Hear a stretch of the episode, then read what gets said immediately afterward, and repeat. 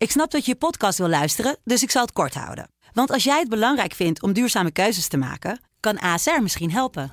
Nou hoor ik je denken, hoe dan? Nou, bijvoorbeeld bij het duurzaam herstellen van schade. Of de premies die we beleggen volgens ons duurzaam beleggingsbeleid. Dat bepaalt waar we wel en juist niet in investeren. Wil je meer weten over welke duurzame keuzes ASR maakt? Ga dan naar asr.nl slash duurzame keuzes. ASR doet het. Zo, dan kan je nu lekker naar je podcast luisteren.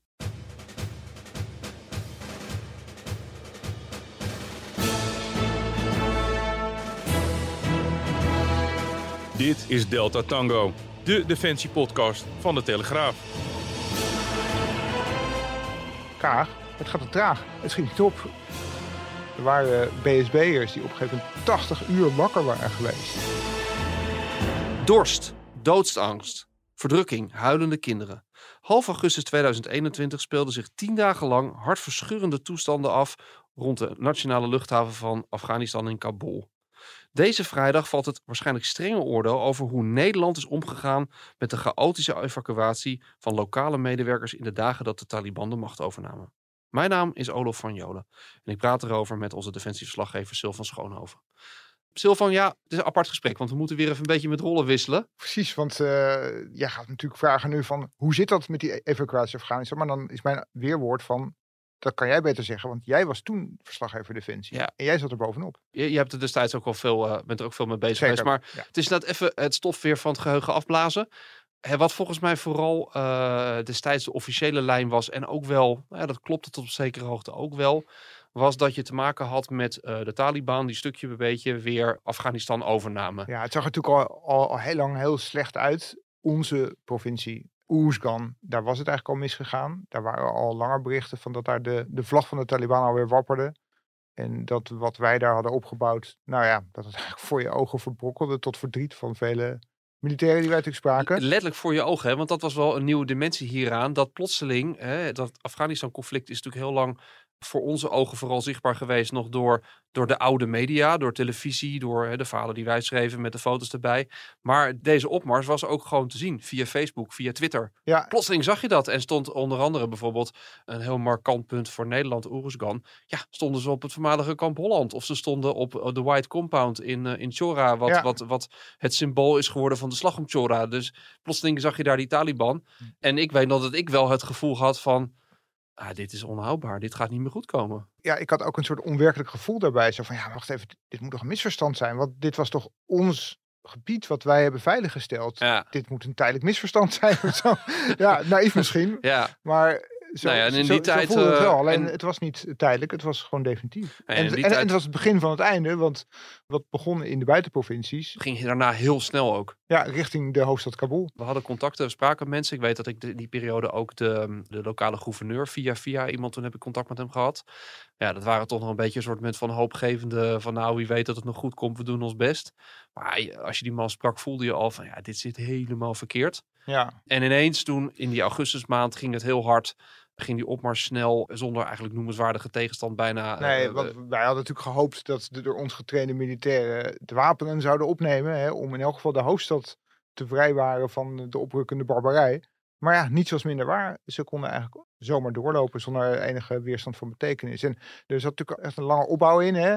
Uh, ik heb e-, even nagekeken hoe het ook weer zat. Maar in april 2021, toen kondigde de Amerikaanse president Biden aan van uh, wij gaan weg. Ja per 11 september 2021. Zeer symbolische datum natuurlijk. Een gevoelige datum ook wel. Hele gevoelige datum.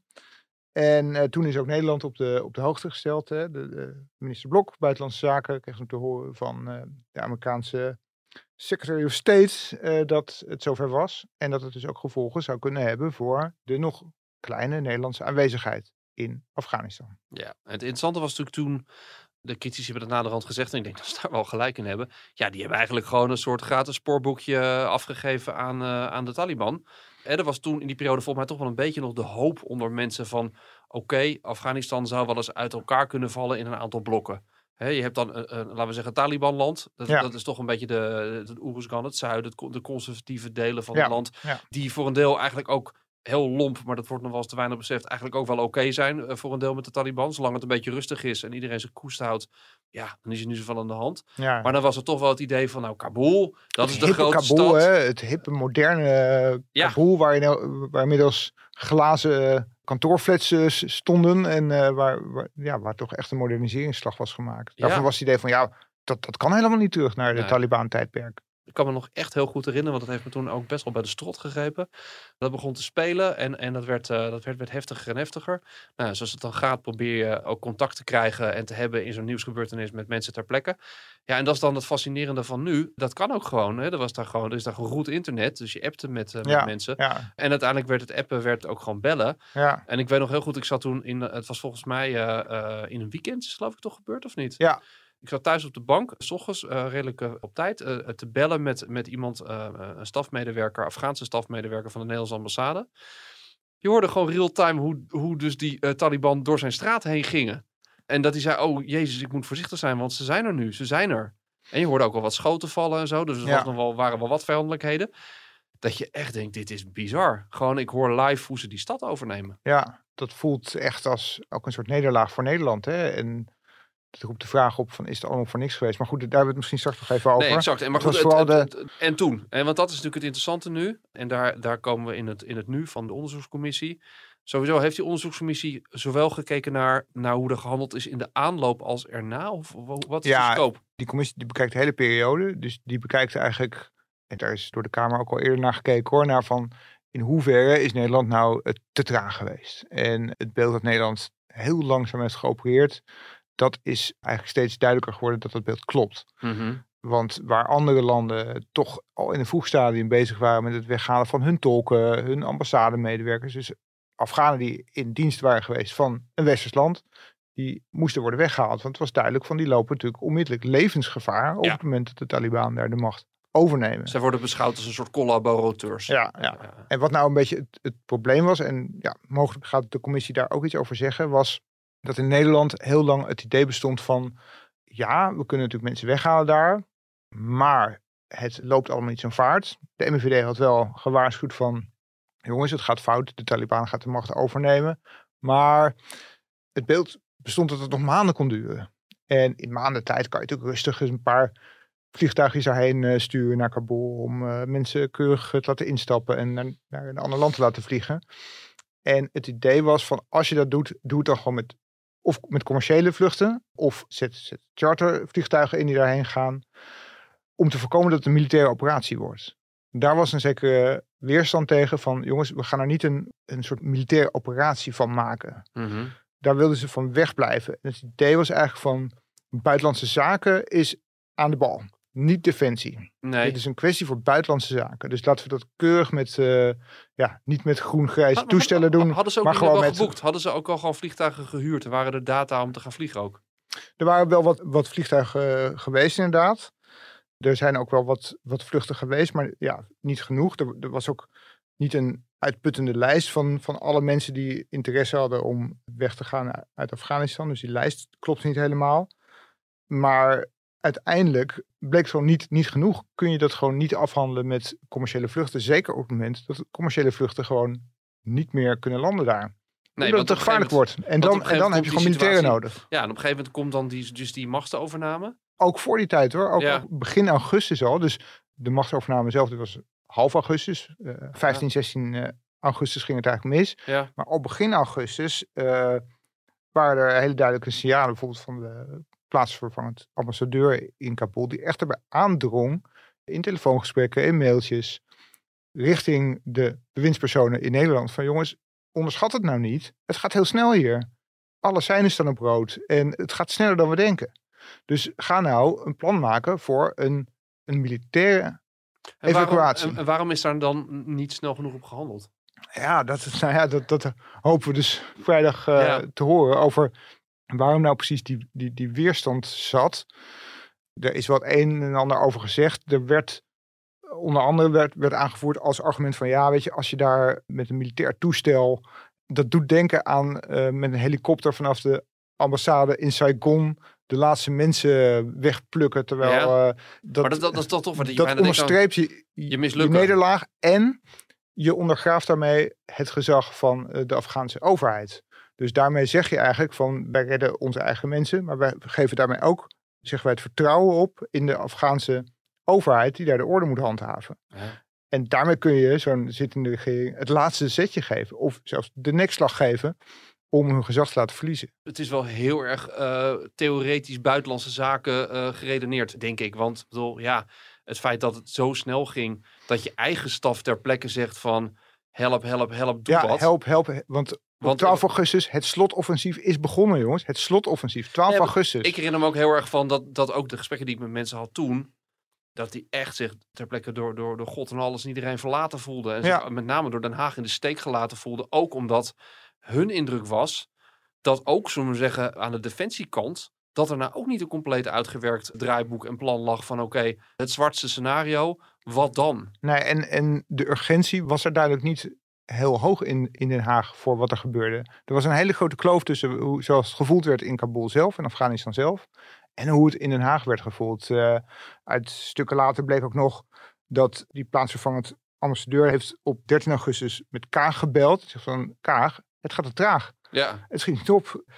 Op 14 augustus is Bijleveld, die ging s'avonds gewoon nog rustig naar de bioscoop. ik de, wou hem de net slag noemen. om de Schelde. ik wou hem net noemen, want dat was ook, toen heette het toch gewoon Twitter, voordat we zo gek gingen doen. Toen heeft ze een tweet uitgedaan dat ze zo onder de indruk was van die film. Ja, En dat mensen echt ook op Twitter reageerden van eh, of ze helemaal goed bij de hoofd was. Want ik bedoel dat daar de boel in brand stond.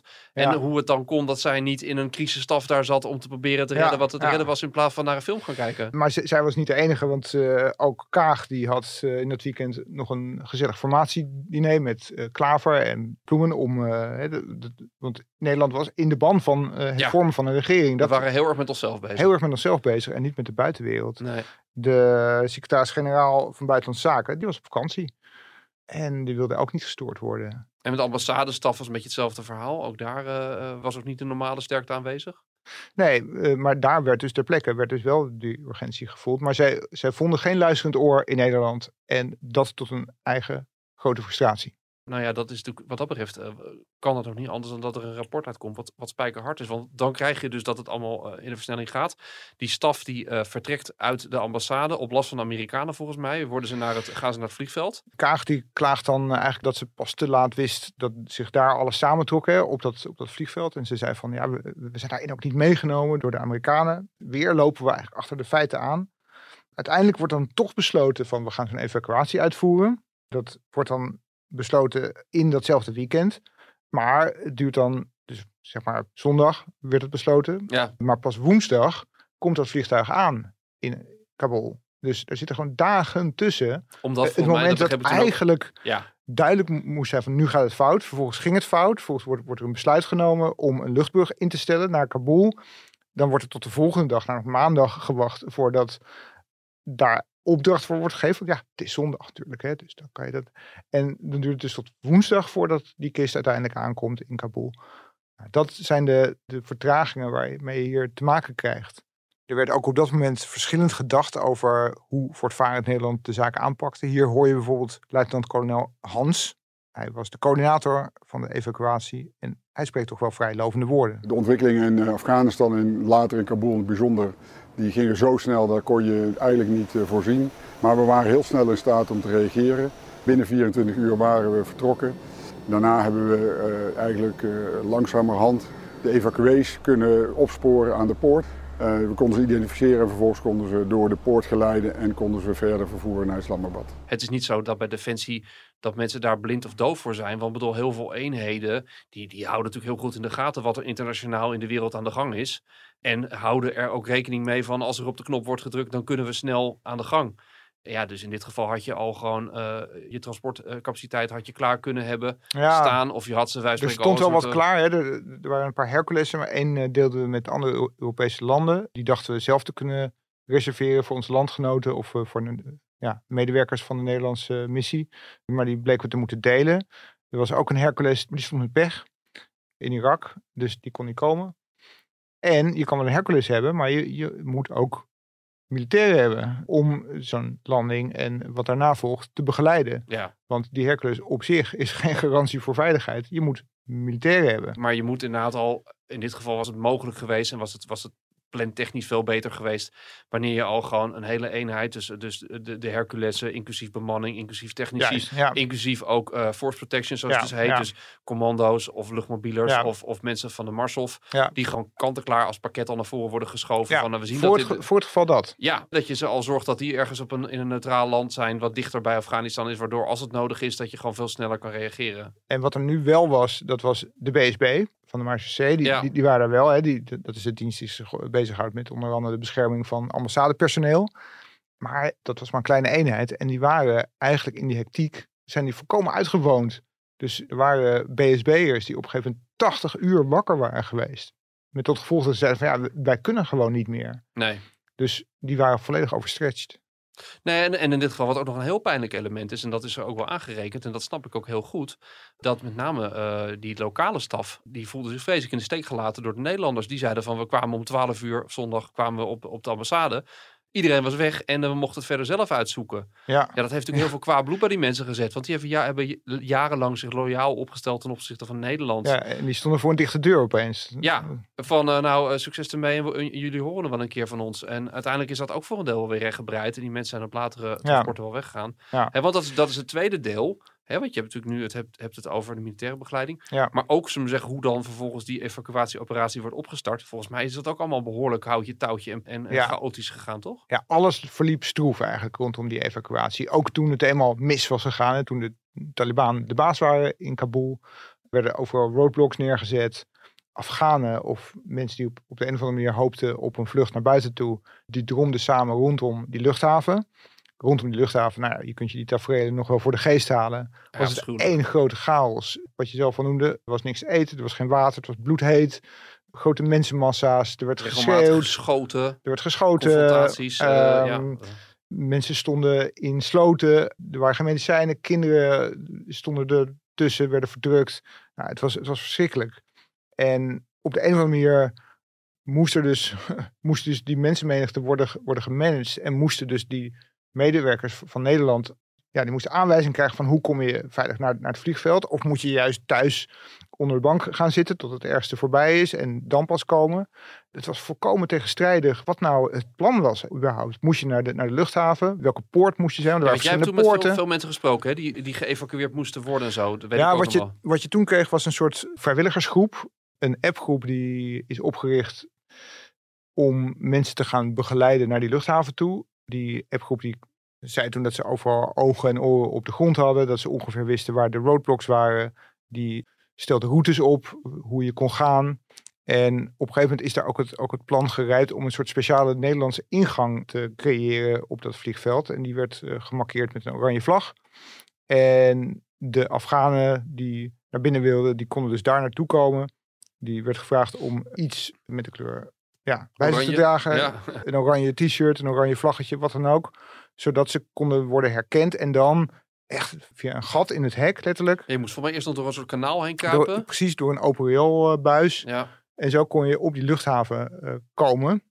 En daar waren dan inmiddels waren daar mensen van het Korps Commandotroepen om de vluchtelingen binnen te halen en te kijken wat dan, ja, of er dan vervolgens een vlucht was. Want dat was natuurlijk nog vraag 2 dan. Van, is er een vlucht om die mensen dan weg te krijgen?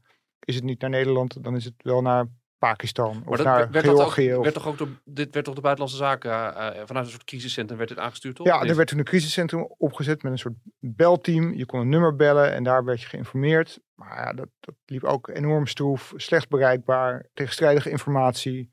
Nou ja, de chaos was, eh, was compleet. Ook heel veel gedoe volgens mij op wie er dan op de lijst kwam die mee mocht en wie niet, hè?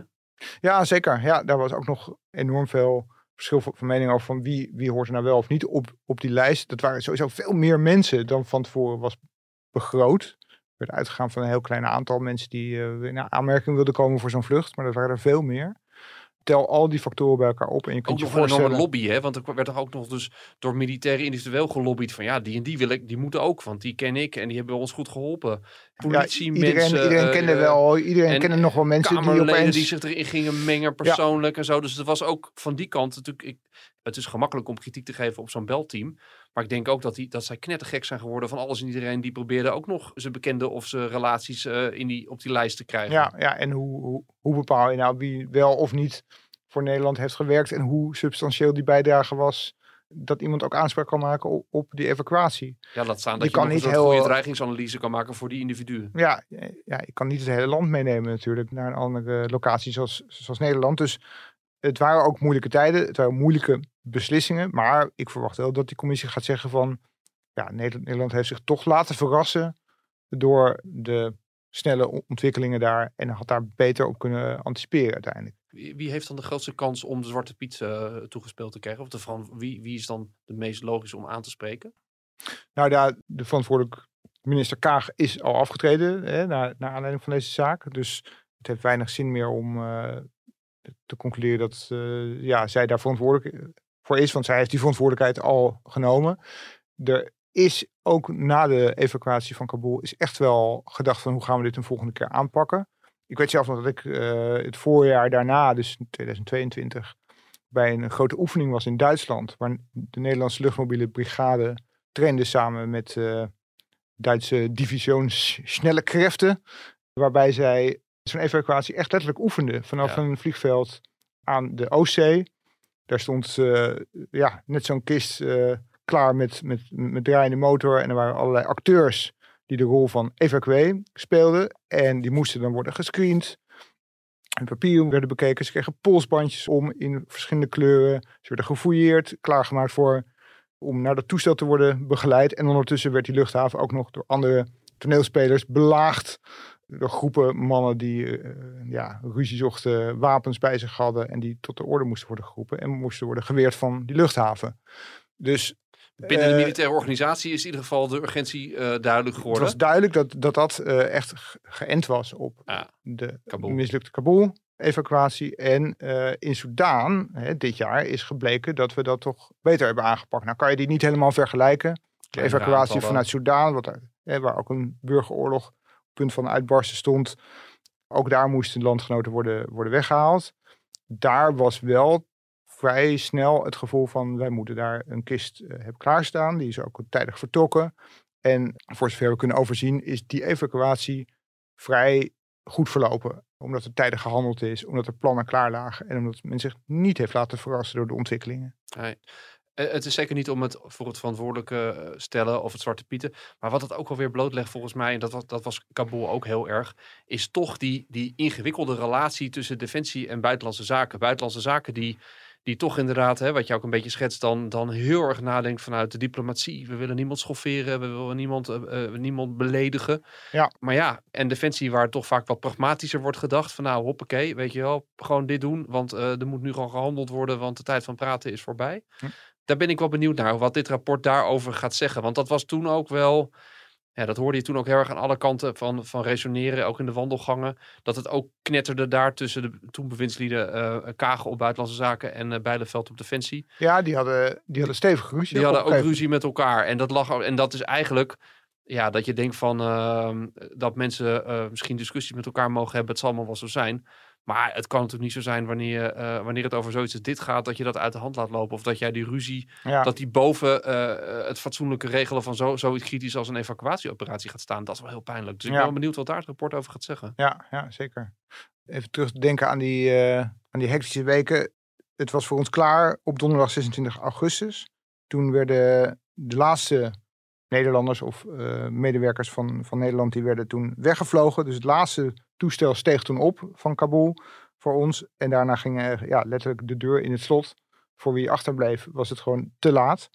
En vrij kort nadat dat toestel is vertrokken, was natuurlijk die verschrikkelijke bomaanslag.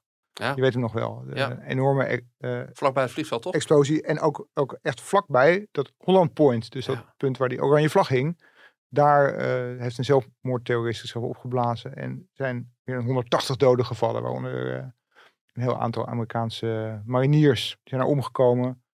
En nou, dat was echt het, echt het dieptepunt van die, van die chaotische dagen. Die aanslag werd eh, gepleegd door IS. Ja, de tak die in Afghanistan actief is.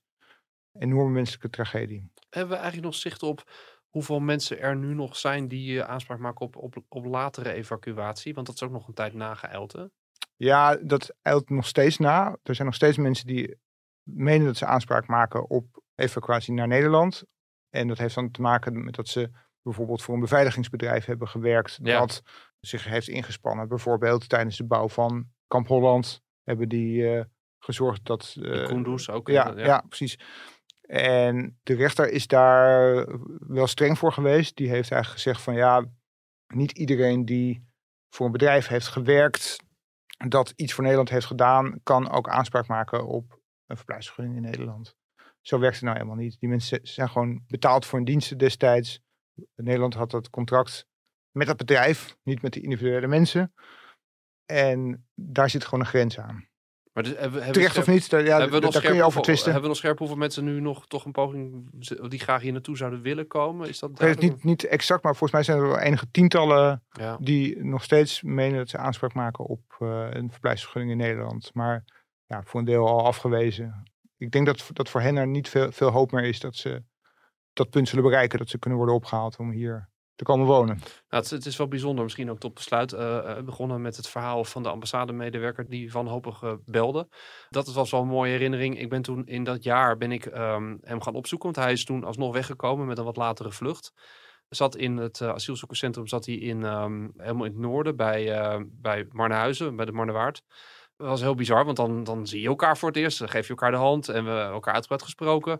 En dan uh, merkte ik ook wel van ja, dit is gewoon duidelijk een hele slimme vent. Die, uh, je bent niet voor niks, uh, klim je op tot de hoogste ja. functionaris op die ambassade van de buitenlandse staf verhaal met hem gemaakt. En hij appte me toen later nog van, kijk, dit is mijn nieuwe huis. Hij had toen een soort tijdelijke, uh, nou ja, zo'n staakkervenachtig chalet, volgens mij ergens op de Zuid-Hollandse eilanden. Waar hij wel heel blij mee was dat ze in ieder geval gewoon een eigen plek hadden en niet meer in zo'n kazerne uh, op elkaars lip hoefden te zitten. En uiteindelijk heb ik hem uh, dit jaar nog weer geappt. Want van joh, misschien wil je nog een keer terugkijken. Met, met dit moment wat er aankomt, ja. twee jaar na dato. Ja. Toen zei hij, nou ja, dit, uh, dit is goed, hoeft niet meer. Hij heeft uiteindelijk nu een baan bij, uh, bij Buitenlandse Zaken. Is daar gewoon weer aan de slag gegaan, maar dan op het ministerie hier.